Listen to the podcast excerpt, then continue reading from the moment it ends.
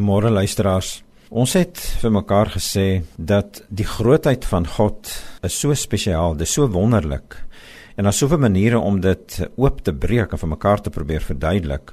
En een van die waarhede wat vir my verskriklik aanspreek, is dat hy telkens vir ons kom oortuig dat hy in Christus nie net gekom het om vir ons te kom help nie, maar hy het gekom om te kom oorneem. En daarom moet ons vir mekaar sê, geniet die grootheid van God in jou lewe, ontspan Gee jouself oor vir hom.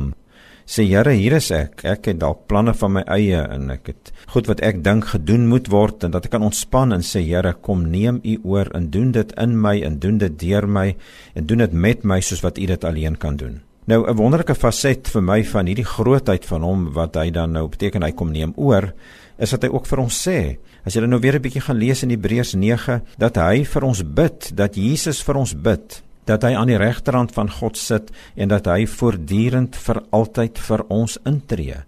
Is dit nie aangrypend nie? Die grootheid van God beteken hy bid vir my geestelike lewe. Hy bid vir my fisiese lewe. Hy bid vir my emosionele lewe. Hy bid vir elke moment, elke behoefte wat daar tog maar eers ooit in my lewe kan wees, groot of klein. Hy bid vir my.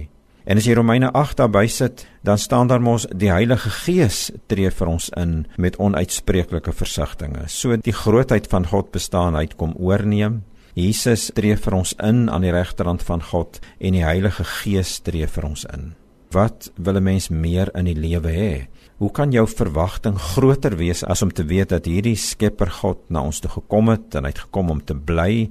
Hy wil tuis wees by ons, hy het kom oorneem, hy tree vir ons in die grootheid van God beteken die prentjie wat hy van ons sien, die prentjie wat hy, kom ons sê nou maar in sy hart van ons het, om dit menslik te sê is hy sien Christus. En die wonderlike ding beteken dan nou dat dit wat hy met ons lewe wou bereik en dit wat hy wil waarmaak, dit wat hy in Christus klaar gedoen. En nou vat hy ons lewe van elke dag en hy help vir ons en hy neem oor sodat hy die lewe van Christus deur ons sigbaar kan maak.